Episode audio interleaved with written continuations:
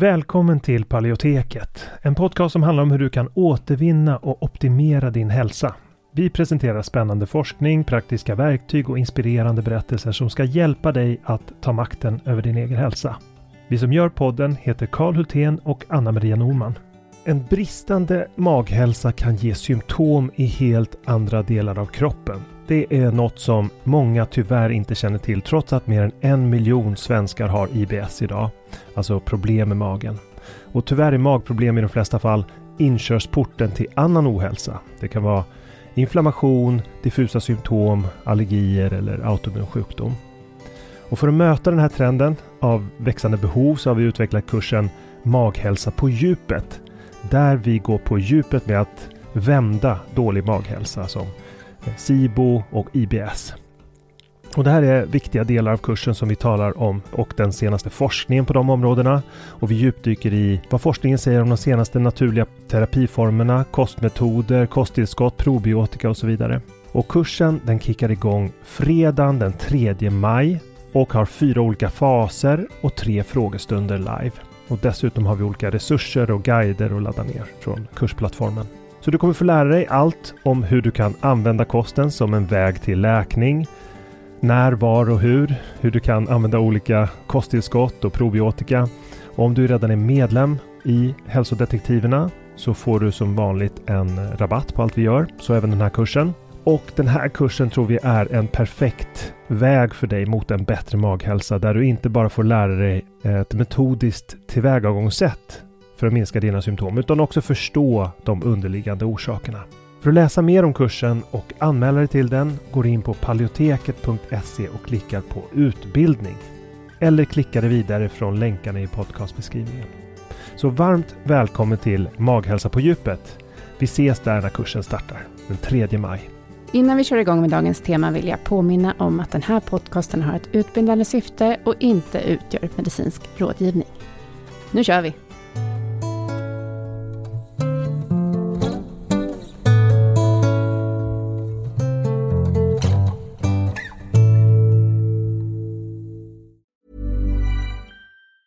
Hey, it's Ryan Reynolds, and I'm here with Keith, co star of my upcoming film, If, only in theaters, May 17th. Do you want to tell people the big news? All right, I'll do it. Sign up now and you'll get unlimited for $15 a month in six months of Paramount Plus Essential Plan on us. Mintmobile.com slash switch. Upfront payment of $45 equivalent to $15 per month. Unlimited over 40 gigabytes per month. Face lower speeds. Videos at 480p. Active Mint customers by 531.24 get six months of Paramount Plus Essential Plan. Auto renews after six months. Offer ends May 31st, 2024. Separate Paramount Plus registration required. Terms and conditions apply if rated PG.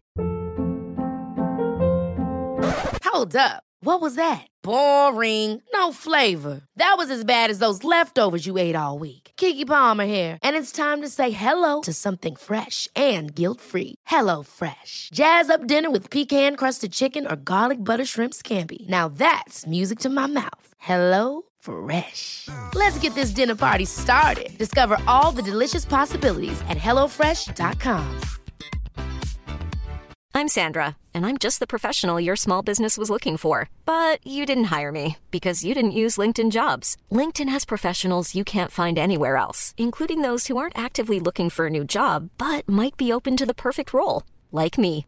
In a given month, over 70% of LinkedIn users don't visit other leading job sites. So if you're not looking on LinkedIn, you'll miss out on great candidates like Sandra. Start hiring professionals like a professional. Post your free job on linkedin.com/people today. I det här avsnittet intervjuar jag Nadja Öström som är ordförande för Sköldkörtelförbundet. Det blir en väldigt spännande intervju både om hennes egen hälsoresa och en hel del detaljer som kan vara superintressant för dig som har sköldkörtelsjukdom. Och väldigt mycket praktiska råd. Som ni kan höra var jag otroligt hes när jag gjorde den här intervjun och eh, jag harklar mig fram och låter helt enkelt Nadja göra största delen av snacket. I förra avsnittet så nämnde jag att det nu går att stötta podcasten via någonting som kallas för Patreon. Och Patreon är en plattform för de som gör podcasts eller filmer som då finansieras av lyssnare eller publik, den publik man har. Vi har funderat mycket på hur vi ska finansiera podcasten och eh, har tagit in lite sponsorer Eh, vi är inte alls emot sponsorer, men vi är också otroligt kräsna och ganska ofta oeniga om vilka sponsorer som skulle kunna funka. Eh, men vad vi är eniga kring är att vi gärna skulle finansiera podden via lyssnare, för då känner vi oss mer oberoende. Och ehm, om ni lyssnare vill finansiera podden så känns det också mer relevant för oss att faktiskt spela in avsnitt. Så om du vill peppa oss och säga kör, fortsätt med podden, då kan du bli då en stödmedlem på sidan patreon.com snedstreck paleoteket. Alltså det är patreon.com snedstreck paleoteket. Och det funkar som så att man väljer eh, hur mycket man vill ge per avsnitt. Kanske en dollar per avsnitt.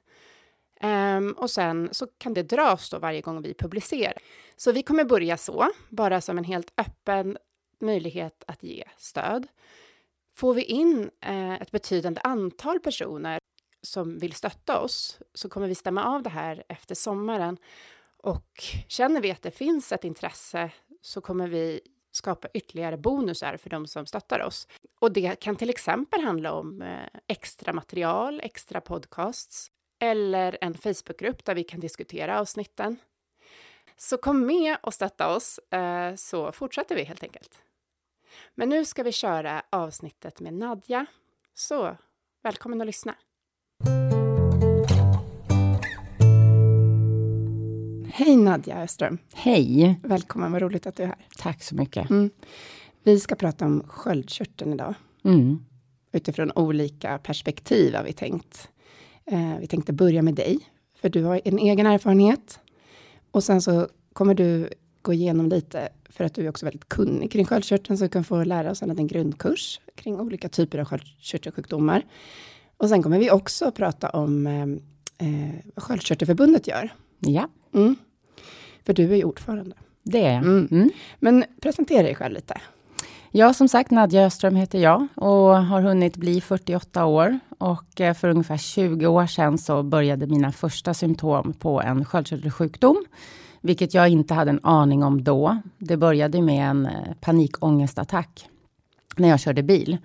Vilket var väldigt skrämmande och jag trodde att jag skulle dö. Och ringde ju 112 och sa att jag tror jag dör nu. Eh, men det visade sig vara en sköldkörtelsjukdom och jag fick diagnos ungefär nio år senare. Under de nio åren hade jag väldigt många konstiga symptom. Man utredde mig för lungcancer, eh, hjärtat slog konstigt, man trodde att jag hade bröstcancer. Det var väldigt jobbiga år som eh, man inte förstod vad det här handlade om. Och till sist så eh, gick jag ju till vården och sa att jag känner inte igen mig själv. Och då hittade man just Hashimotos som är den autoimmuna sköldkörtelsjukdomen. Som ger en underfunktion i sköldkörteln. Och Hashimotos är den vanligaste orsaken till att sköldkörteln faktiskt går sönder. Det jag är ledsen för idag, det är ju eh, att jag inte hade kunskap då när allting började. Kanske hade jag gjort annorlunda än vad jag hade gjort. Och eh, idag är jag ju beroende av medicin för att jag fick gå så länge med en autoimmunitet. Men du, du, det hände ju någonting ganska extremt för dig, men skulle du säga att du hade känt av några symptom innan? Det hade jag säkert gjort. Jo, det hade jag gjort för att jag stod på jobbet. Jag jobbar ju som frisör också. Jag har varit egenföretagare i många, många år, i snart 30 år. Och är man egenföretagare så kör man ju på lite för hårt. Man känner inte efter, utan man går och jobbar fast man är för trött. Och jag kunde känna att jag fick som skakningar på insidan. Att det kändes som, jag tolkar det som ett blodsockerfall. Att oj, oj, oj, nu har jag inte ätit ordentligt. Och, så jag gick och köpte druvsocker och tänkte att det skulle lösa det hela. Jag hade kraftig huvudvärk eh, under en period, under sex veckor som eh, jag förstod inte alls vad det var och Alvedonet hjälpte inte. Jag hade väldigt ont i nacken. Eh, det kändes som jag skulle tappa huvudet. Och till tänkte jag så här, nej men jag har en hjärntumör. Så jag ringde ju doktorn och sa att ni, ni måste undersöka mig. Eh, men strax efter sen då så kom den här panikångestattacken. Så jo, jag hade känt av innan. Mm. Men jag kunde inte koppla det då. Mm. Och när du fick diagnosen, vad hände då? Eh, då kände jag mig väldigt låg och ledsen och jag har alltid varit väldigt, väldigt positiv. Ehm, och när jag hade duschat så var jag jätteröd i ögonen. Man hade upptäckt tidigare, något år innan, att det var något med mitt blod. Eh, vad läkaren sa att jag hade dåligt syresatt blod, men det var inte alls så, utan det var en B12-brist. Eh, det var för stora röda blodkroppar. Och jag har då en farfar som dog väldigt tidigt i 40-årsåldern med något problem med blodet. Eh, vi visste inte riktigt vad det var, så det hade ju väckts en oro hos mig att har jag något som min farfar hade? Ska jag dö nu? Och eh, det här liksom snurrade i huvudet på mig, så till sist var jag så nej men nu känner inte jag igen mig själv. Det är, det är någonting som är så fel.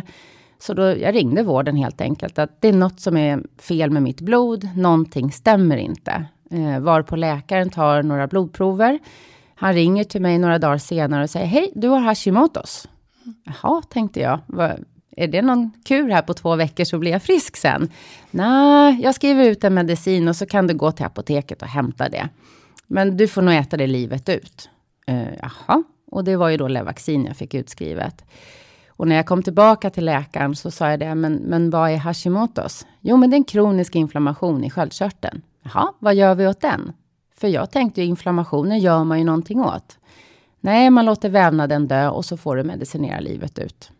Mm. Och jag köpte ju det då. Tog mitt Levaxin och började faktiskt må bättre. Eh, men vikten hade ju börjat öka. Men den fortsatte tyvärr att öka. Och jag förstod inte det, utan jag tänkte att nu är jag 40, nu ska man gå upp lite i vikt. Och, det var ju först sen efter ett och ett halvt, två år som vaccinet inte fungerade längre, utan jag fick hjärtklappning och mådde väldigt, väldigt dåligt. Som jag förstod att det, det är någonting som inte stämmer. Jag fick en väldig yrsel.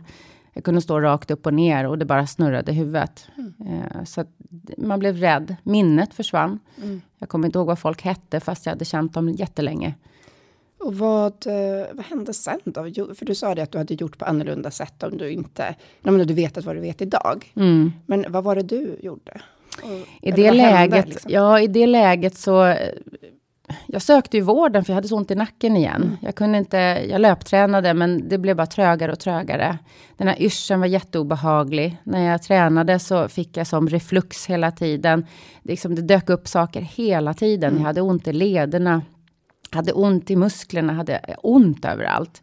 Jag tänkte, och den här yrseln, äh, men det kanske kommer från min dåliga nacke, för jag har en whiplash i, i grunden som också skulle kunna vara en utlösande faktor just för sköldkörteln. Så att, men jag tror att det är många faktorer i mitt liv som påverkade att det här löstes ut. Men... Eh, men för sen så började du göra vissa insatser själv med kost Precis, för jag gick till läkaren och sa någonting mm. är galet med min nacke. Och, och, så tog man ju nya blodprover. Så visade sig att sköldkörtelvärdena hade försämrats. Och doktorn sa, nej men vi kan ändra vaccindosen lite. Eh, men det här är stress. Och jag förstod inte, vad då stress? Nej, men jag är inte stressad. Men vi ökade vaccindosen och då brakade det loss. Min mage pajade, jag blev jättelös i magen, mitt hjärta slog obehagligt. Jag eh, vaknade på nätterna, eh, hjärtat slog jättehårt på nätterna. Så jag blev ju rädd. Jag tänkte, ska jag dö nu? Eh, igen. Eh, och ehm, så jag kontaktade ju min läkare igen och sa någonting är jätteknasigt. Och när jag sänker Levaxinet så blir hjärtat bättre, men jag förstår att jag inte mår bra av det. Men han sa hela tiden det är stress, det är stress, det är stress och ville skicka mig på stressmottagningar. Och jag kunde inte köpa det, för jag förstod inte. Och när jag aldrig fick den hjälpen, då började jag gå ut på nätet såklart söka och då hittade jag Sköldkörtelföreningen som det hette då. Jag hittade studier eh, som förklarade just det här att jag kanske hade för lite av det aktiva hormonet, att min kropp inte klarade av att omvandla det här inaktiva hormonet i Levaxinet. Och kände att ja, men det är ju så här det är. Det är klart, jag har för lite av det aktiva hormonet. Det blev så självklart.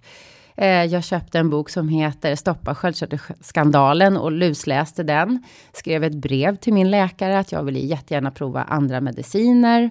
Eh, och varför jag trodde på det och, och de här proverna vill jag ta.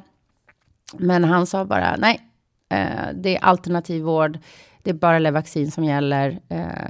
och en remiss till specialisten, en endokrinolog, vart ju nekad. Och jag kände, jag kände så instinktivt att jag har rätt, min doktor har fel. Så jag eh, började ringa runt till andra läkare. Eh, och fick ju då testa det här liotyronin som är det aktiva sköldkörtelhormonet. Och i samma veva hade jag hittat eh, Eva Renner som med kosten hade blivit frisk igen. Och jag tänkte yes, det är kosten jag ska köra på. Så jag la om kosten, pang bom, bara på en gång. Eh, den sommaren gick jag ner alla mina 12 kilon som hade lagts på.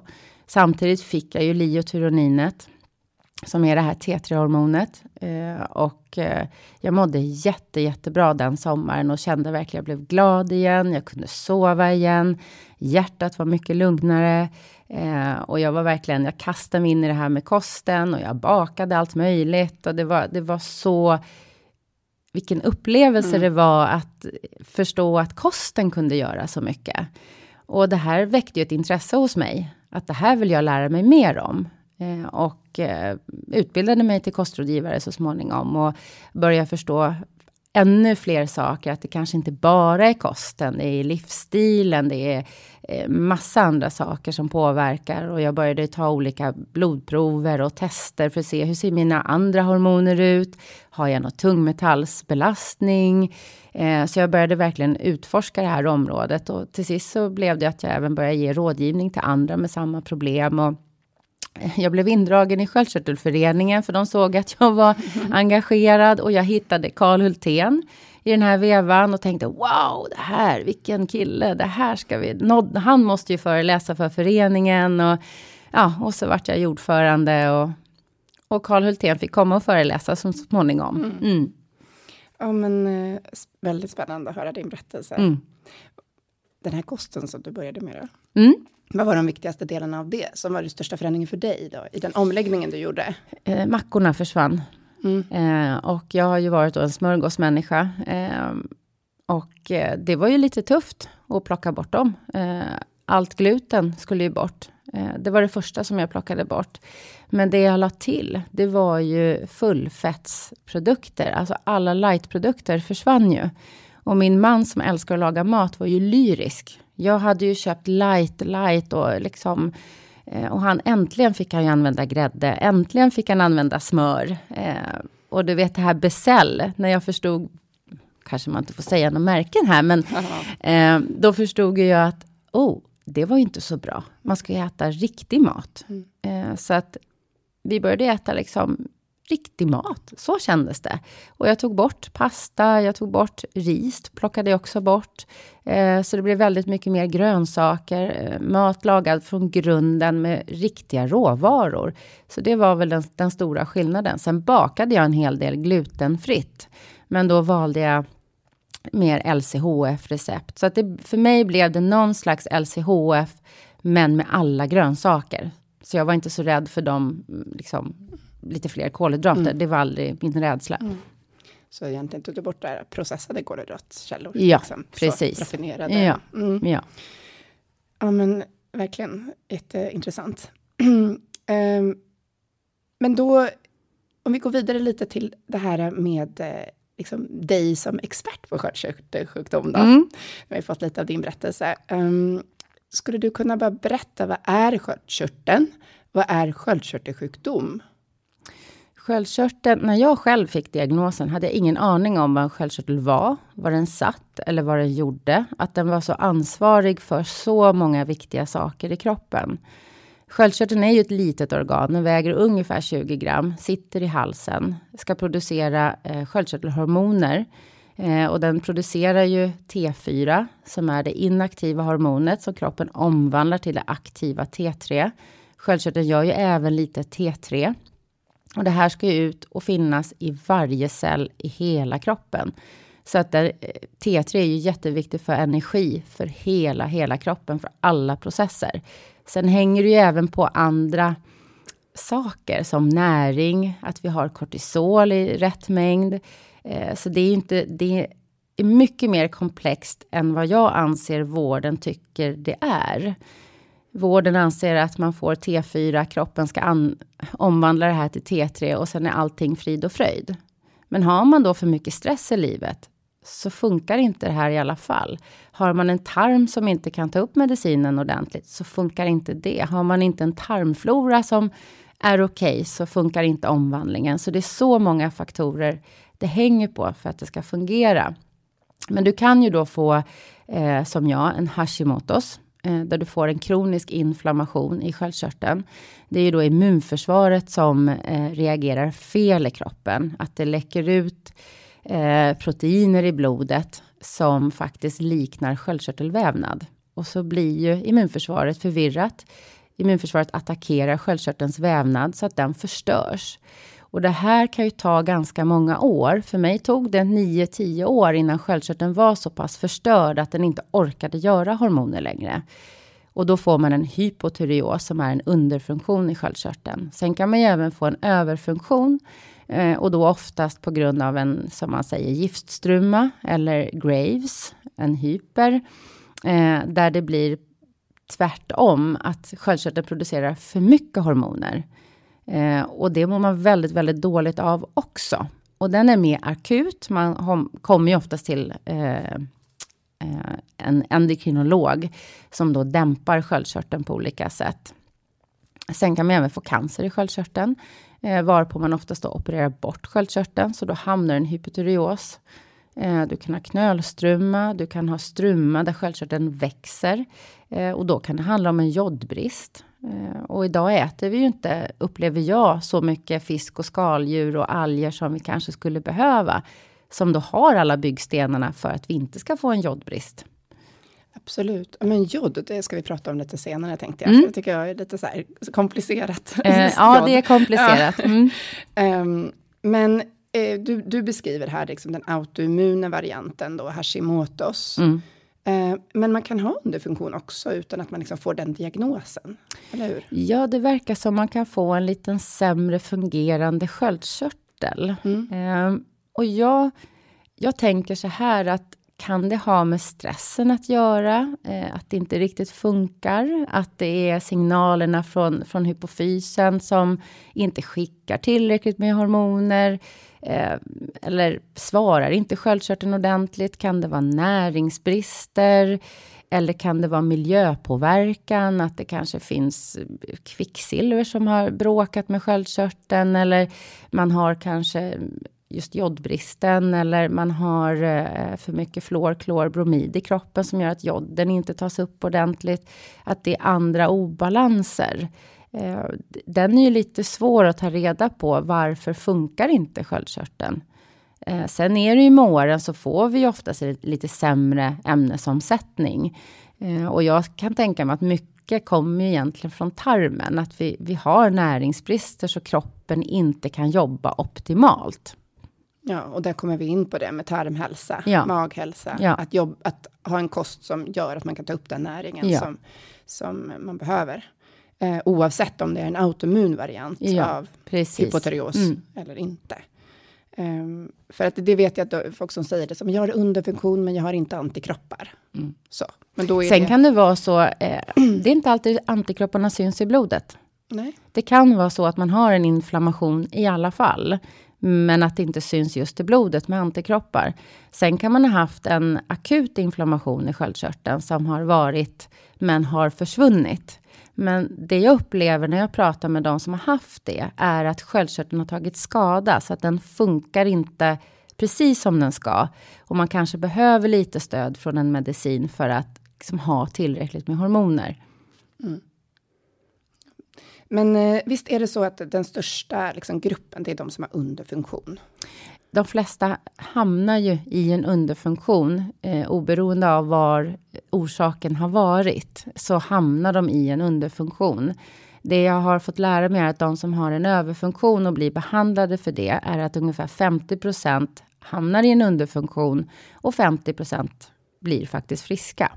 Okej, så man fortsätter inte ha överfunktion Nej. så länge? Nej. Vissa har väl ändå Graves? De säger så här, jag har Graves. Men det kanske... Precis, det är som jag. Jag har Hashimotos, men mm. jag har inga antikroppar längre. Eh, som egentligen, idag skulle inte få diagnosen. Eh, men jag har ändå Hashimotos. Den mm. finns ju alltid där. Sen kan man ju om man då lugnar ner immunförsvaret så får man ju bort attacken. För det är det jag tänker är så viktigt. Att få bort det här att immunförsvaret jobbar fel.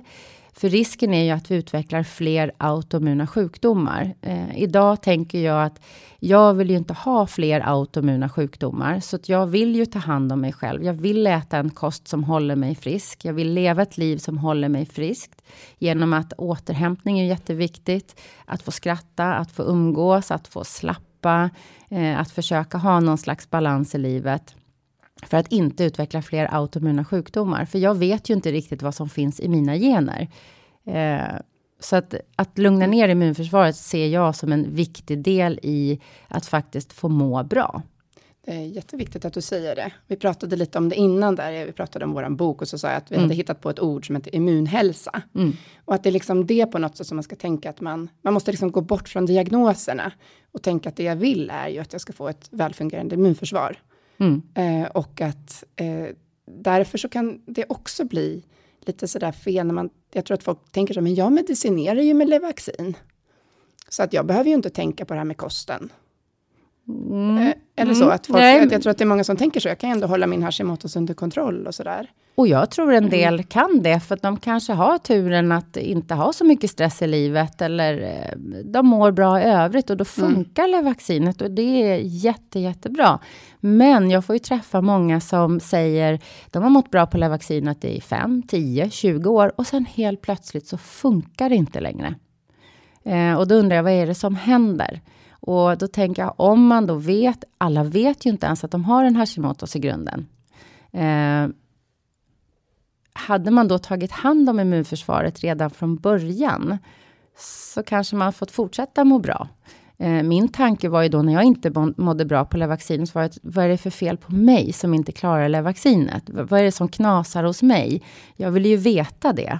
Eh, och jag försökte ju allt för att förstå. Men någonting gör att jag klarar inte att omvandla ordentligt. Jag behöver mer T3. Jag är en av dem. Eh, och eh, jag jobbade ju stenhårt eh, för mig själv och jag höll på att ge upp för jag kände att det är ingen som lyssnar på mig. Eh, och när jag förstod att den här resan i vården, att inte få rätt hjälp, den är tuff. Det är tufft att lära sig allt om kosten. Titta bara i affären idag. Hur mycket mat har vi inte i affären som inte ens behöver finnas där? Man bara vänder på förpackningen och ska läsa alla orden. Och jag tycker nästan synd om människor som inte kan allt det här. Eh, tänk om vi hade en affär med bara det som behövs. Mm. För det behövs inte så mycket som vi har idag. Nej, vi brukar säga så här, att man kan gå runt alltså, ytterkanterna. Ja. Liksom så här, man behöver inte gå i mitten, för där är det ju för mycket processat. Ja, precis. Mm. Eh, så det, det, krävs mycket kunskap. Och då har jag tänkt att jag måste hjälpa de människor som, som inte orkar allt det här. Mm. Och då brukar jag fokusera på, vad får man äta? Mm. Vad ska jag tänka på? Istället för vad får jag inte äta? För det tyckte jag var det tuffaste när jag la om kosten. För att det slutade ju inte med att jag åt eh, som jag gjorde från början, utan jag gick ju hela vägen och skulle testa eh, autoimmun kost. Och, eh, då grät jag. Då tyckte jag livet var orättvist. Eh, men jag har lärt mig mycket på det och har en förståelse för människor som gör förändringar. Att det är inte alltid lätt. Det är tufft, men det är värt det.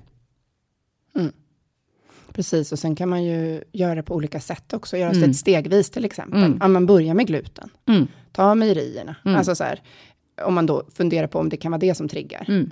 Och så. Men, men, eller börja laga mat från grunden är väl det första.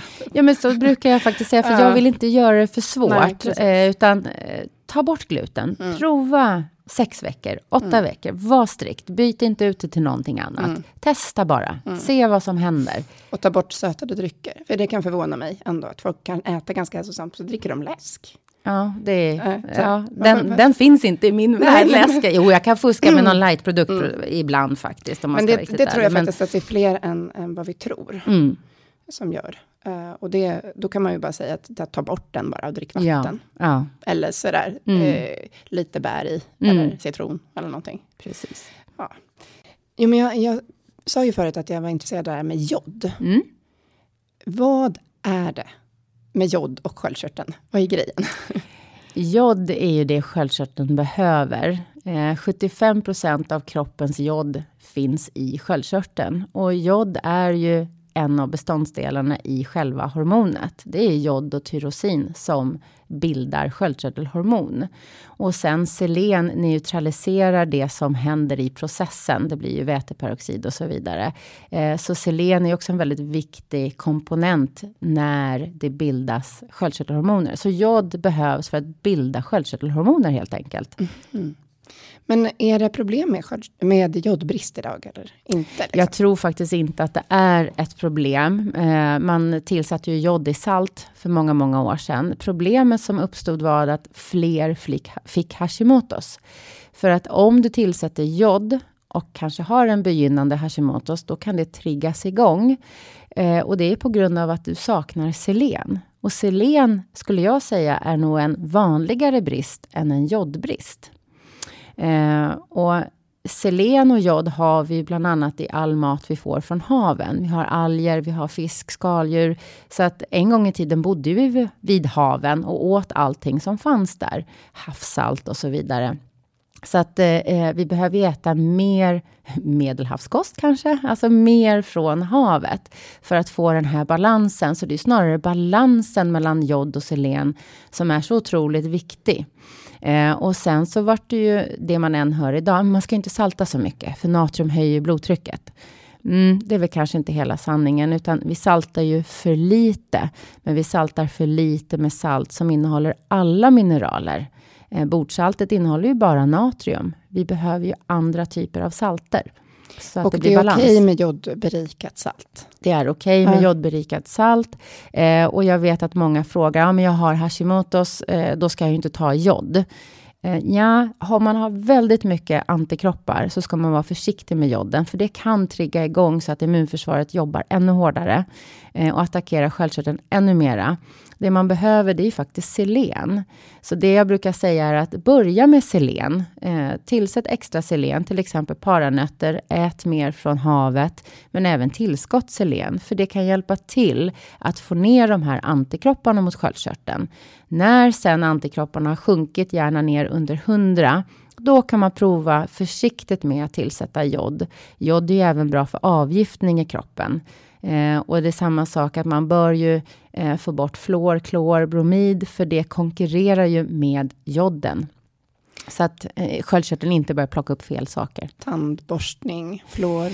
Ja, det finns väl lite olika där att eh, det är inte så mycket fluor mm. i tandkrämen. Och äter man inte så mycket socker eller äter ofta så ska du ju inte behöva fluor i, i mm. tandkrämen. Fluor stärker ju emaljen. Ja, det är det enda det är bra ja, men jag för. Jag tänker att det inte behövs. Sen kan man ju faktiskt Nej. välja att borsta tänderna med fluor en gång i veckan. Eller ja. så, och borsta på annat sätt. Ja, precis.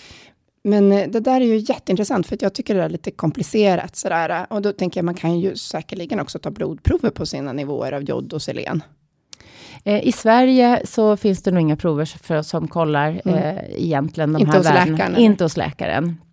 Eh, jag har själv tagit prover på det här och skickat utomlands. Och då tar man helblodsprov. Mm. Så att man ser hur det har sett ut en längre period i blodet. Och det är samma sak, det är i blodet. Mm, Når det dit det ska? Det vet vi inte. Eh, men, eh, och då kunde jag ju se att jag hade låga nivåer av selen. Så det kan vi nästan anta att vi har? Det skulle jag nästan Om man inte våga. äter skaldjur varje dag? Liksom. Nej, precis. Mm. Precis. Och sen är det aldrig bra att ta för mycket selen. Nej, det för det är det jag tänker bra. att alla mineraler, de ska ju vara i förhållande till varandra. Exakt. Så det är det där som blir så viktigt. Mm. Och det är där, därför man kan tänka då med jod, att man inte ska äta sådana här saker som är jättejodrika då, särskilt om man har Hashimotos, alltså som till exempel alger och sådana där saker som kanske har, eller? Det är ju väldigt individuellt. Det mm. finns ju en Facebookgrupp, jag kommer inte ihåg vad den heter, men de, de pratar väldigt mycket jod. Mm. Eh, och jättekunniga på jod. Jod är så viktigt för så många saker i kroppen. Men som alla näringsämnen, ingenting är bra för mycket. Mm. Ingenting är bra för lite. Så det är, det är svårt. Och det jag kan se mycket på Facebookgrupper, att ah, men har du eh, hypotyreos, då ska du äta zink, eller du ska äta si, och du ska mm. inte äta det här tillskottet. Eh, och det är dumt att hålla på och laborera själv. Eh, all näring som vi kan få från kosten är alltid bättre. Ja, men verkligen. Och där är de ju i balans med varandra. Ja, exakt. På ett naturligt sätt som mm. vi är anpassade till mm. i våra mm. kroppar. men säga. just vid Hashimotos, eh, var försiktig med extra jod. Mm. Eh, är det så att man känner att man börjar må sämre när man tar jod, man kanske får hjärtklappning eller man känner att man får skov i de här, den här autoimmuniteten, mm. backa joden och se till att du får i dig selen och då har du paranötter, fisk, skaldjur. Mm. Och det, är där, har, det, är där det finns. Det är där det finns. Mm. Ja, men det där, och sen finns det lite andra näringsämnen, tänker jag, som är viktiga. Alltså du, du pratade om det där med zink då. Mm. Eh, men det är också sånt som man får i sig via, via kött, via animalier. Mm. Mm. Eh, att, det, det jag tror det är ju att, mm, att förbättra näringsupptaget. Mm. Och det gör du ju med kosten. Att du äter den maten som ser till att din tarm mår bra och kan ta upp näringen. Och du har stressen i livet som gör att tarmen faktiskt jobbar som den ska. Mm. Eh, sen kan det vara så, är du undermedicinerad för din sköldkörtelsjukdom, då har du lite mindre saltsyra eh, ofta. Lite mindre matsmältningsenzymer. Så att det här att få en riktigt bra medicinering som är individanpassad, det är så viktigt för att få resten att fungera. Mm. Har du något mer vill säga i relation till de där grejerna? Nej, nu vart det tomt i huvudet. Bara för att jag avslutade dig. Nej, men jag tänker att så här, nu fick vi prata om det där med Nej, men järn, järn till exempel. Ja, eh, jag lyssnade på ett jätteintressant poddavsnitt. Eh, Anna Sparre eh, mm. eh, intervjuade om just det här med järn. Och eh, att eh, även om man har järnbrist, så har ju järnet tagit vägen någonstans och ofta sitter i vävnader. det handlar om inflammationer och att hur viktigt det är med koppar koppar eh, och eh, D-vitamin och A-vitamin. Och det var otroligt intressant mm. avsnitt att förstå att det inte bara sätta i sig järntabletter när man har järnbrist. För Nej. det kan ju liksom bli fel. Eh, och många är rädda för koppar, anser att de har kopparöverskott. Eh, när jag har testat både koppar och zink och alla mineraler, så visar det sig att jag har både, hade lågt både på zink och koppar. Så om jag då skulle följa råden att bara äta zink för att jag har hypotyreos, då utarmar jag även koppar. Och koppar är viktigt för binjurarna, koppar är viktigt för sköldkörtelhormonerna. Så det är, det är inte bara så att man ska ta ett tillskott. Utan Nej, och, och det är ju... Alltså, och därför så blir det ju säkrare att få, försöka få i sig det via kosten. Ja. För att kosttillskotten är ju på något sätt så koncentrerade mm. och att det är bara en mineral. Mm. Liksom. Och då ska man ta hjälp av någon kunnig för att mm. veta vad är det jag ska stoppa in. Och sen är det så, så att kosttillskotten ska ju vara eh, själva mineralerna ska vara bundna på ett visst sätt och så vidare. Så att i det här avsnittet så pratar han just om hur viktigt det var med inälvsmat, alltså mm. lever till exempel. Där har du både A och D och eh, koppar. Eh, så det är otroligt intressant ja, jag har också att förstå. Lyssnat, också lyssnat på de där avsnitten. Ja. Det var väldigt mycket information. väldigt mycket information. Är man nybörjare i det här området så fattar ja. man ingenting. jag får lyssna flera gånger mm. tror jag. Men, men det är väldigt viktigt tycker jag, för att huvudbudskapet i de avsnitten var ju just det där att det bästa är att få i sig näringsämnena via kosten. Ja. Men, att det, men sen så inser vi ju att det kan vara svårt för oss i vissa fall, mm. för att kanske inte finns i kosten längre, vissa, vissa nej, näringsämnen. Nej. Och det är så man ska välja då, om vi äter kött, att man väljer gräsbetesdjur, mm. för att de har minst gifter, har bäst balanser i mm. fettsyrorna och så vidare. Och mest D-vitamin också, ja. de, de går ute. Ja, det... och när vi äter maten så, så är det ju naturliga vitaminer och så vidare som finns i, som samarbetar med varandra. De är i en balanserad form. Så därför är ju kosten det absolut mm. bästa. Sen kan det vara så att man inte alltid lyckas äta den mängden man skulle behöva, eller så ofta man behöver. Eh, och då kan man behöva hjälp av tillskotten. Mm. Nej, men jag tror mycket på det här, det som du lyfter fram, liksom med maghälsan, så att mm. man kan ta upp näringsämnena. Mm.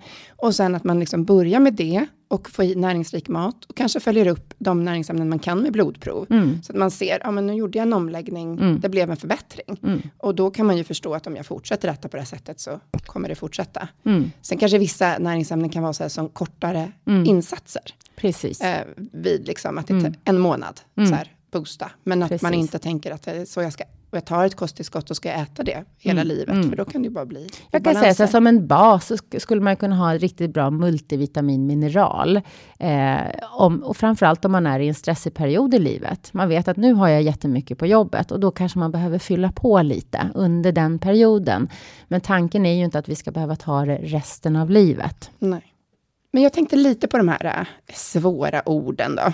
Eh, olika prover som man kan ta. Mm. För jag tror att det, det är ju svårt för folk att förstå.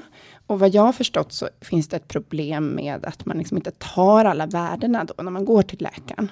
Mm. Kan du beskriva den här liksom, problematiken och vad man kan göra, vad man ska be om och så? Vården tar ju oftast TSH, tyreoidea-stimulerande hormon. Och det är hormonet från hypofysen som skickar sin signal till sköldkörteln och talar om jag vill att du gör mer eller mindre sköldkörtelhormoner. Eh, och det säger ju inte allt om vad som händer. Och när vi mäter i blodet så är det i blodet, det som simmar runt i blodet vi mäter. Vi vet inte exakt vad som kommer ner på cellnivå. Eh, utan det är ju vårt mående som talar om vad som händer på, på cellnivå. Eh, och då vill man ju veta lite mer än bara vad hypofysen gör. Eh, man vill ju veta hur mycket hormoner har jag faktiskt i blodet. Och då är det ju fritt T4, det fria hormonet. För det bundna hormonet vet vi ju inte heller riktigt vad det håller på med, utan vi vill veta vad är fritt för kroppen att använda.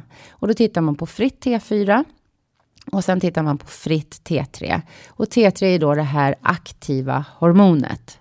Eh, det kan vara ett problem om har man för mycket av T4, då lägger det sig och bromsar upp hela systemet. För det kan omvandlas till någonting som heter reverse T3. Och det lägger sig som en propp i cellen så att T3 som ska in i cellen inte kommer dit. Och reverse T3 mäter man inte i vården idag. Men det man kan tänka på, man ska inte ha för mycket T4 i blodet. Man har ju en referens. Oftast är den 10 till 22. Sen finns det, man tittar alltid på referensvärdet. Ligger man vid den övre referensen så är det aldrig riktigt bra. För att då kan det vara så, och framförallt om man inte mår bra. Då kan det vara så att man har problem med reverse T3. Så även om man in, ligger inom referensvärdena, Ja. så kan, om man ligger på 21, 20, Ja, så är då det kan det problem. vara ett problem. Sen ska man titta på fritt T3. Eh, De flesta som medicinerar verkar må bäst när det fria T- T3 ligger över 5, men innanför referens. Problemet i vården idag är att man bara tittar på TSH. Och blir TSH lågt så säger de att man riskerar arytmier och benskörhet. Men det gäller ju egentligen bara för den studien som är på Levaxin eller på T4-medicinering. Börjar man medicinera med, med liotyronin, det här T3, då kommer TSH sjunka i botten. Och då är det jätteviktigt att titta på de faktiska hormonerna. Och Så det är inte ett problem då att det har sjunkit? Nej, det, Nej. det är inte ett problem. Så länge dina hormoner är innanför referens och man inte har symptom på överdosering. Ja, för att hypofysen behöver ju inte skicka TSH eftersom du får in det via medicinen. Ja, det för det Ja. blir ju så att vi blir ju vårt, e- alltså medicinen blir ju vår, vår TSH Mm. kan man ju säga. Det är vi som, som stoppar in den mängden vår kropp behöver. Mm. Eller det, är det T- T3 i, i den där LIO? Det är T3 i. Lio, ja. Mm. ja. Mm. Och i Levaxin så är det T4. ja och stämmer. T4 ska ombildas, så det är om man inte då Om man inte ombildar bilda. ordentligt. När jag fick mitt liotyronin, då hade jag eh, hormoner innanför referens. Eh, men jag mådde inte bra, så jag hade för lite T3 i mina celler. Eh, och när jag väl fick T3, det tog tre dagar, sen var det som någon hade städat min hjärna och bara wow, jag är tillbaka igen. Och jag har då T3 i- fortfarande innanför referens, men jag behövde lite mer än vad kanske en frisk individ behöver, av någon anledning. Och nu pratar vi lite om världen också när, när man medicinerar, Mm. så att säga. För då ska man ju också hålla sig och, och läkaren ska ta prover då så att man kan korrigera medicineringen och sådär. Mm. Ehm, men jag tänker att om man är då innan där och att man misstänker att man har Mm. sköldkörtelsjukdom. Då tycker jag absolut TSH ska ju med, Mm. givetvis, för att se vad händer här. Är det ett, ett eh, högt värde, då ropar ju hypofysen ännu mer på sköldkörteln. Du gör för lite, jag vill att du gör mer. Och så tittar man på fritt T4, man tittar på fritt T3, hur ser det ut? Det kan vara så att de ligger innanför referens fortfarande, men att TSH ligger lite högre. Eh, ska man även titta på TPO-antikroppar det är just det som ger diagnosen för Hashimotos. Ligger det över referens, då ser man att någonting håller på att hända. Sköldkörteln kämpar, TSH kanske är lite högt. Eh, TPO-antikropparna är positiva. Då ser man att nu håller min sköldkörtel på att gå sönder. Sen kan man även titta på någonting som heter tyreoglobulin-antikroppar, TG-AK. Eh, har man inte TPO-antikroppar så kan det vara så att man har de här TG-antikropparna. Eh, som också visar på en Hashimotos. Eh, misstänker man en överfunktion så kan det vara vettigt att titta på TRAC-antikroppar. Ehm, för då får man veta, är det en autoimmunitet som håller på att hända här i min sköldkörtel?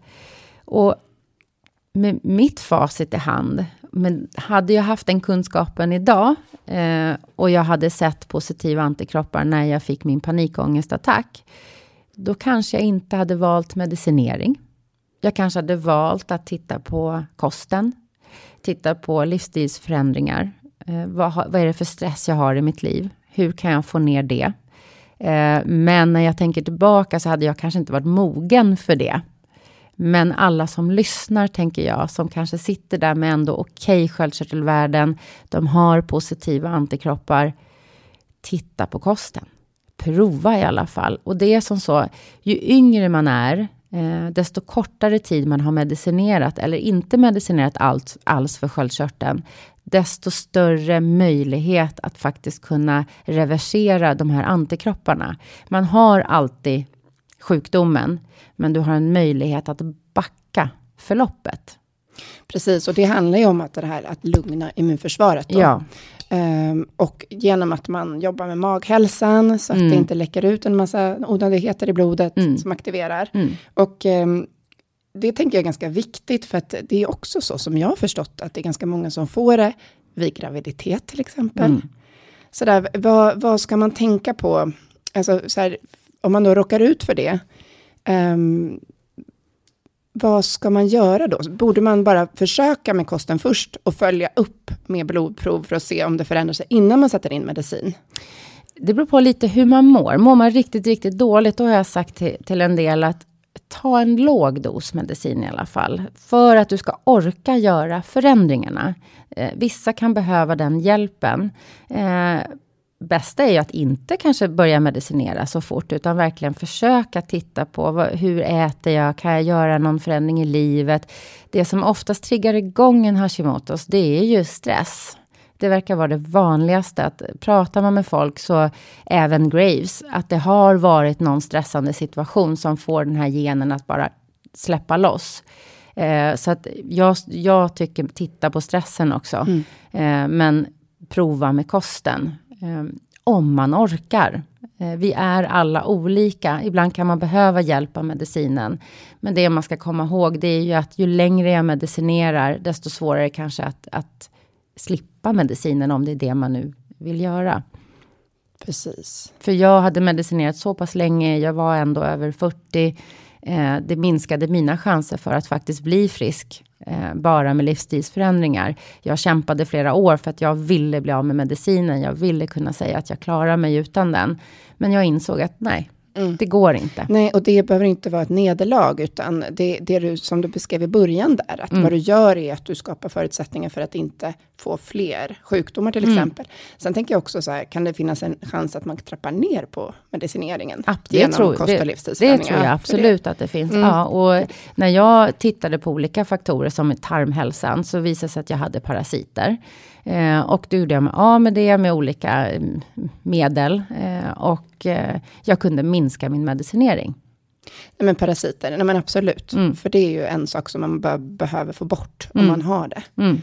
Um, så det var ju säkert bidragande orsak till att det triggade då, om du hade mm, det. Mm. Och jag läste um, någonstans att just parasiter kunde då avge olika gifter som mm. då kan förstöra tarmen, som då kan trigga igång en, mm. en autoimmunitet. Så att det har blivit många så här, jaha, jaha, jaha, just det. Mm.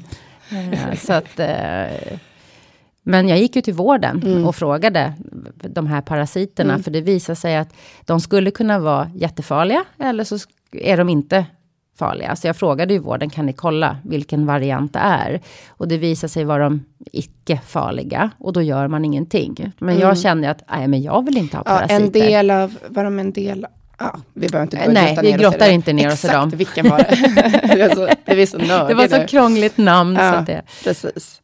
Ja, nej, jag förstår. Um, men nu ska vi se, jag hade någon fråga på huvudet. Utmattning, det var det jag tänkte på. Mm. Utmattning och sköldkörteln, alltså, för vi pratar om stress. Mm. Och jag tänker det är så många som liksom går in i väggen då, inom citationstecken. Mm. Och eh, vad är din bild av då kopplingen till sköldkörteln? Har du, tror du att det finns en sån, eller hur? Min erfarenhet är ju att många har en utmattning som grund. Eh, sen tänker jag att det kan vara sköldkörtelsjukdomen som löstes ut och gav en utmattning. Samtidigt som det finns en stress som löser ut. Så att eh, det är lite förvirrat. Jag, mm. När jag fick min panikångest så kallades ju det för utmattning. Eh, och det sa ju min läkare tio år senare, när jag sa att jag inte mådde bra på vaccinet, att hon måste förstå att hon har en utmattning i grunden. Men för mig var det, nej, jag har ingen utmattning i grunden, för jag hade inte känt mig så. För mig var det Hashimoto som utlöstes, eh, som gav mig alla symptom. Men sen tror jag också att man kan ha blivit utmattad och så blir det en stress som ger en Hashimotos. Så det går nog in lite i mm. varandra. Att antingen Men, så har det triggat igång Hashimotos och du blir utmattad. Eller du har blivit utmattad som triggar igång en Hashimotos. Ja, men har man utmattning, liksom är sjukskriven för det, mm. då ska man kolla sin sköldkörtel. Ja, alla gånger. Mm. Men det mm. kanske sjukvården gör automatiskt. Jag vet inte. Ja, och det kan vara så att man har lite avvikande värden på sköldkörteln, men du kanske inte har antikropparna sköldkörteln reagerar. Har man haft mycket stress så är kroppen det smartaste vi har. Den ser till att vi blir trötta för att vi ska vila. Mm. Men vi slutar att lyssna på de signalerna. Så att sköldkörteln kan ge eh, signaler av att eh, du har ett högre TSH. Men, men det är för att du ska vara lite trött. Mm. Men eh, sen vill jag gå tillbaka till det här med graviditet. Mm. Eftersom det är ju ofta många som får Hashimotos eller hypotyreos mm. efter en graviditet. Mm. Även Graves kan Även Graves, mm. ja. Men kan du beskriva vad det är som händer och varför det blir så? Och sen så, så här, som jag har förstått det, så finns det också att det kan gå ner liksom, eh, under en kort period. Eh, liksom, att funktionen av sköldkörteln kan gå ner under en period. Kan du, att det kanske inte är liksom en, mm. en autoimmun variant eller någonting som behöver fortsätta. Eh, kan du det är ju som så, framför, det är ju åtta av tio kvinnor eller det är åtta av tio som är kvinnor som får hypotyreos. Eh, och jag, vi har ju lite fler hormoner som skiftar hela tiden. Eh, och just som tonåring skiftar hormonerna. Där kan det lösas ut en sköldkörtelsjukdom. När du är gravid, det är ju en ganska tuff process i kroppen att gå igenom så det blir som en stress. Även när vi blir, kommer i klimakteriet kan det lösas ut. Och det, det har ju med våra hormoner att göra, tror jag. Eh, men i en graviditet, de första tre månaderna, så behöver kroppen mer hormoner. Eh, den behöver 50% mer sköldkörtelhormoner. Och alla som har varit gravida vet hur trött man kan vara i början. Och det är ju, vi får ju lite för lite hormoner för att fostret behöver. Och de första 18 veckorna så har fostret ingen egen sköldkörtelproduktion, utan är beroende av mammas hormoner. Eh, och då kan det ju se ut som man har en, en hypotyreos i blodvärdena. Men det är helt normalt. Sen kan det ju vara så att det inte riktigt efter graviditeten går tillbaka som det ska, utan man fortsätter att vara i en underfunktion. Eh, men att det kan rätta till sig. Eh, det jag tror om det löser ut en Hashimotos, då har du det i generna och graviditeten har varit en, en för stor press i kroppen eh, tänker jag. Mm. Jag är inte expert på det där, men jag vet ju att sköldkörteln får jobba väldigt mycket under en graviditet. Mm. Så att generellt kan man tycka att man borde följa upp under graviditet, hur sköldkörteln och idag så ska man kontrollera alla gravida. Man gör det? Ja, mm. och det är en positiv förändring. Hur eh. när blev den förändringen? Oh, kan det, bara, det är bara för något år sedan. Ja, för jag. jag känner inte mm. igen det från när jag var gravid. Mm. Ja. Då ska man screena alla. Oh, eh, vilket jag tycker är jätteviktigt, mm. för fostret är väldigt beroende av T4-hormonet. Eh, och utan T4, utan tillräckligt med sköldkörtelhormoner så kan du få missfall. Du kan få havandeskapsförgiftning. Eh, så det, fostre, och fostret kan ju bli eh, underutvecklat om den inte får tillräckligt med sköldkörtelhormoner. Så har du en hypotyreos som du inte känner till, eh, och du blir gravid, då är det det här som kan hända att du, du tappar ditt barn. Men det där är ju jätteviktigt. Mm. För det är väldigt många som, som, som brottas med det. Mm. Alltså, Det är svårt att bli gravid. ja, Mm. Och, och då att sköldkörteln att ha, ha koll på den då. Mm. Om man känner att man har Men jag har en nära anhörig som fick flera missfall. Eh, och eftersom vi är flera i släkten nu som vi vet har Hashimoto, så sa jag det direkt. Du måste kolla din sköldkörtel. Och självklart var det ju den. Så menar du att det kan bli lättare då att bli gravid och inte få missfall om man då medicinerar och Ja. får hormon? Ja. Mm.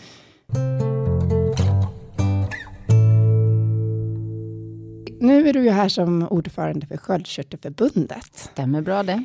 Kan du berätta vad Sköldkörtelförbundet gör och hur många medlemmar ni har och vad ni driver för något? Idag är vi cirka 5 000 medlemmar. Eh, och eh, skulle ju jättegärna vilja vara många, många fler. Eh, för det är en sjukdom som eh, drabbar ungefär en halv miljon människor i Sverige. Och det skulle vara fantastiskt om man kunde visa hur många vi är som faktiskt inte mår bra. Vi gjorde en SIFO-undersökning förra året som visade att nästan 100 000 fortfarande inte mår bra på sin medicin. Eh, och det är ju inte riktigt okej. Så 100 000 skulle ju vara perfekt om vi var. För då kan vi börja påverka vården mycket, mycket mera. Och det är det vi jobbar med. Eh, vi har möten med specialisterna för att vi vill ha nationella riktlinjer. Idag som det ser ut så ska du ha tur när du hamnar hos en läkare vilken vård du får. För i ett landsting så är, ska det här TSH-värdet vara på ett sätt när du medicinerar. Och så kommer du till ett annat landsting, då säger de okej till ett annat värde. Sen kan det även vara väldigt individuellt från läkare till läkare. Så det är väldigt, väldigt rörigt eh, hur man behandlar patienten med mediciner. Eh, så det vi vill ha är ju ett unisont behandlingssätt i hela Sverige. Och då vill vi få med oss specialisterna så att de också förstår den, pro den problematik, problematik vi ser. Eh, att folk får inte individanpassad behandling, utan det är en medicin, det är ett blodprov och sen ska patienten må bra. Och det som stör mig är ju att man ser den här sjukdomen som en lättbehandlad sjukdom. Och det, ja, det är den om man bara tittar i blodet. Men blodet säger inte allt om hur vi mår. Därför så jobbar ju vi för att alla ska få en individanpassad vård. Att det är möjlighet till flera mediciner. Eh, och kanske även titta på det här med kosten och livsstilen eh, som ett komplement. Mm. Så att eh, ni, det ni driver är mycket det här individanpassad vård. Men har ni definierat, eh, eh då gav du några exempel, men har ni liksom formulerat vad ni tycker det ska inkludera? Eller tänker ni att det ska vara någonting som man då ska formulera då tillsammans med läkarna? Och, vi har- har ni saker, specifika grejer som ni tycker ska vara med? Det är ju bland annat det här med att det ska vara möjlighet till flera mediciner. Mediciner. Men, men eh, det vi också ser är ju kunskapen hos läkarna. Den är ju väldigt, väldigt ojämn och överlag väldigt låg. Så vi vill ju öka kunskapen hos läkarna så att de kan förstå symptombilden hos patienten. Och att det finns fler saker att göra. Men det vi trycker på mycket, det är ju individanpassad vård. Eh, och att man ska ha rätt att få träffa en specialist. Det vi också önskar är ju sköldkörtelkliniker eller sköldkörtelcentran, där man kanske forskar mera på sjukdomen.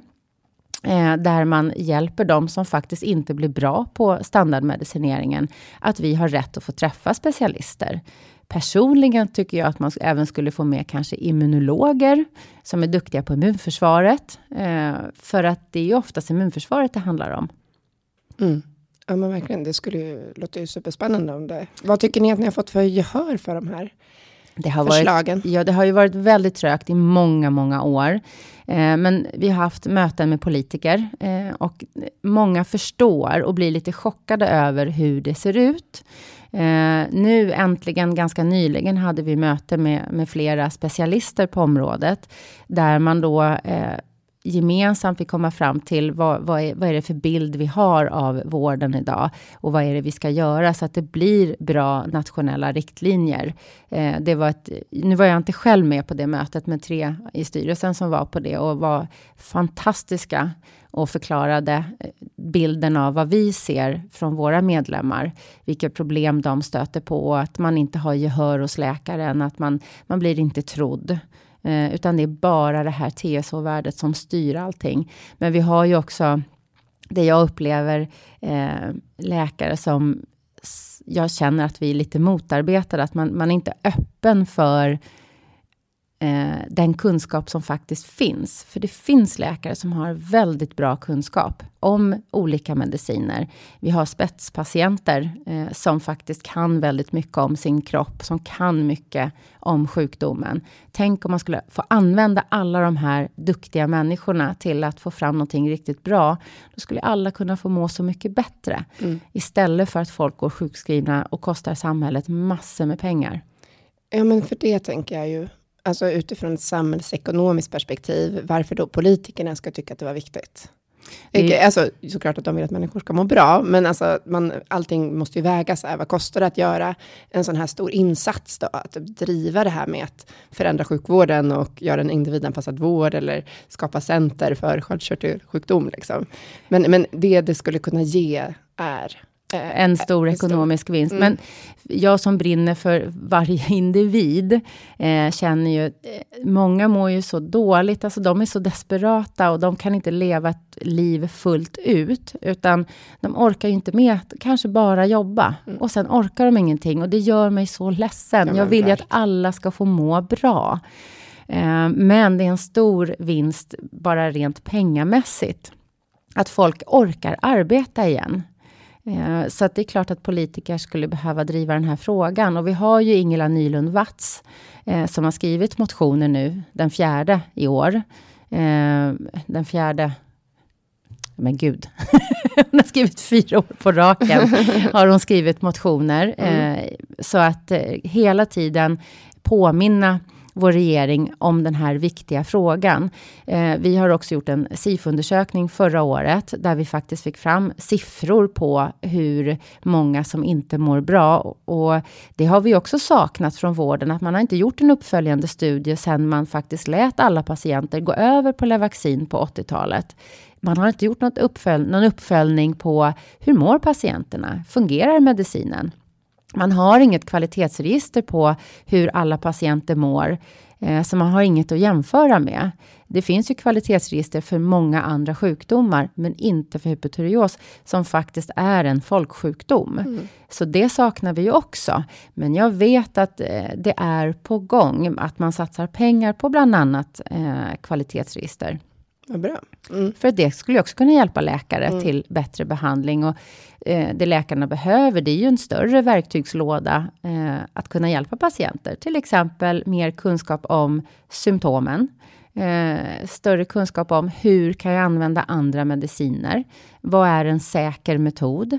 För att jag förstår ju läkare att de inte vågar använda mediciner de inte vet hur de fungerar. För det blir andra blodvärden. Så, att, så, så de medicinen som man använder oftast är vaccin. Mm. Men sen är det LIO, det går att få det. Det går att få det, men det går också mm. att byta till exempel till Euturox, mm. som är en T4-medicinering, precis som Levaxin. För jag tänker att det kan ju vara så att det är vissa ämnen i som gör att det funkar bättre eller sämre i kroppen. Eh, sen finns det ju även grissköldkörtelhormoner eh, som har funnits sedan slutet på 1800-talet. Då var det ju en ojämn medicinering för att man kunde inte mäta hormonerna.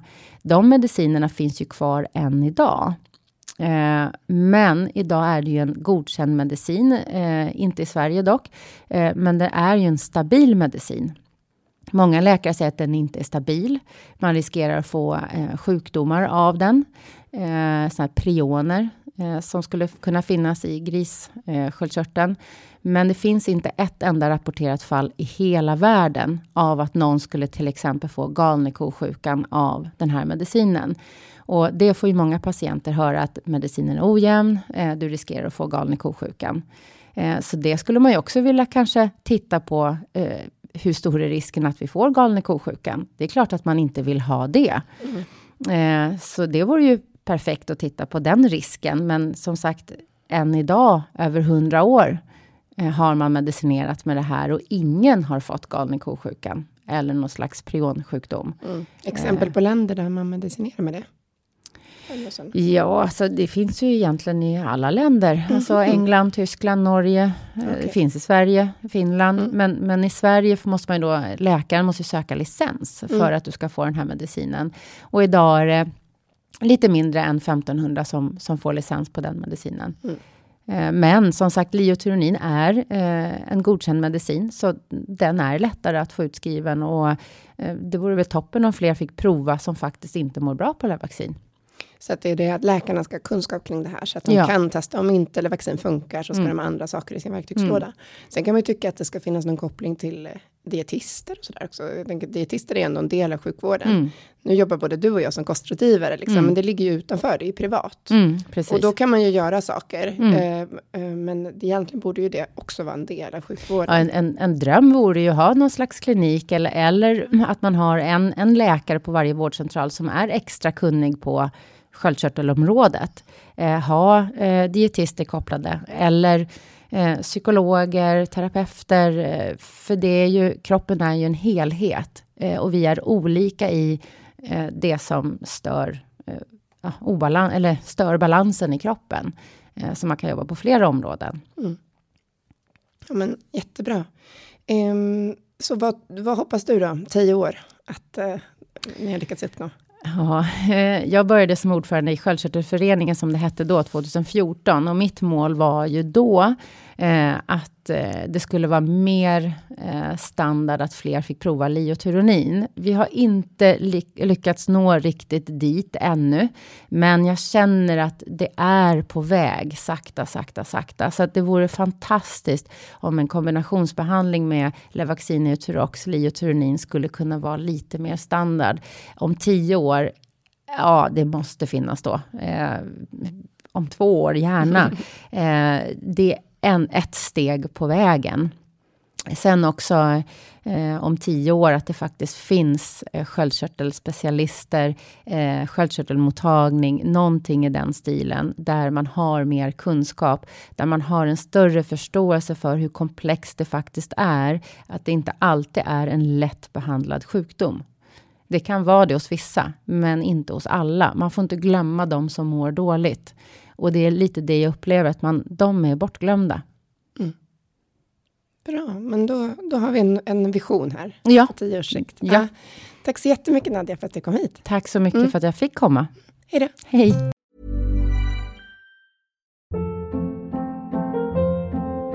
Hold up. What was that? Boring. No flavor. That was as bad as those leftovers you ate all week. Kiki Palmer here, and it's time to say hello to something fresh and guilt-free. Hello Fresh. Jazz up dinner with pecan-crusted chicken or garlic butter shrimp scampi. Now that's music to my mouth. Hello Fresh. Let's get this dinner party started. Discover all the delicious possibilities at hellofresh.com. Even when we're on a budget, we still deserve nice things. Quince is a place to scoop up stunning high-end goods for 50 to 80% less than similar brands. They have buttery soft cashmere sweaters starting at $50, luxurious Italian leather bags, and so much more. Plus, Quince only works with factories that use safe, ethical, and responsible manufacturing. Get the high-end goods you'll love without the high price tag with Quince. Go to quince.com/style for free shipping and 365-day returns. Tack så mycket för att du har lyssnat på det här avsnittet av Paleoteket. Vi hoppas att det har varit till nytta för dig. Om du vill få hjälp att uppnå dina hälsomål står vi redo att hjälpa dig. Vårt medlemskap Hälsodetektiverna är en gemenskap online där du träffar likasinnade, får hälsoinspiration hela året och kan ställa frågor direkt till oss på våra medlemsseminarier. Nu under våren startar också två onlinekurser. AIP Masterclass är kursen för dig som vill lära dig allt du behöver veta om kostupplägget AIP, autoimmunprotokoll, samtidigt som du blir guidad genom en stegvis process med både läkningsfas, utvärdering och återintroduktioner. Sen har vi kursen Maghälsa på djupet som riktar sig till dig med IBS och misstänkt eller konstaterad SIBO. Vi fokuserar helt på vad du kan göra med kost, livsstil och strategiskt utvalda kosttillskott. För dig som föredrar att läsa finns också våra fyra böcker. Besök paleoteket.se för att veta mer och glöm inte att prenumerera på vårt nyhetsbrev. Du hittar länkar i beskrivningen till podcastavsnittet.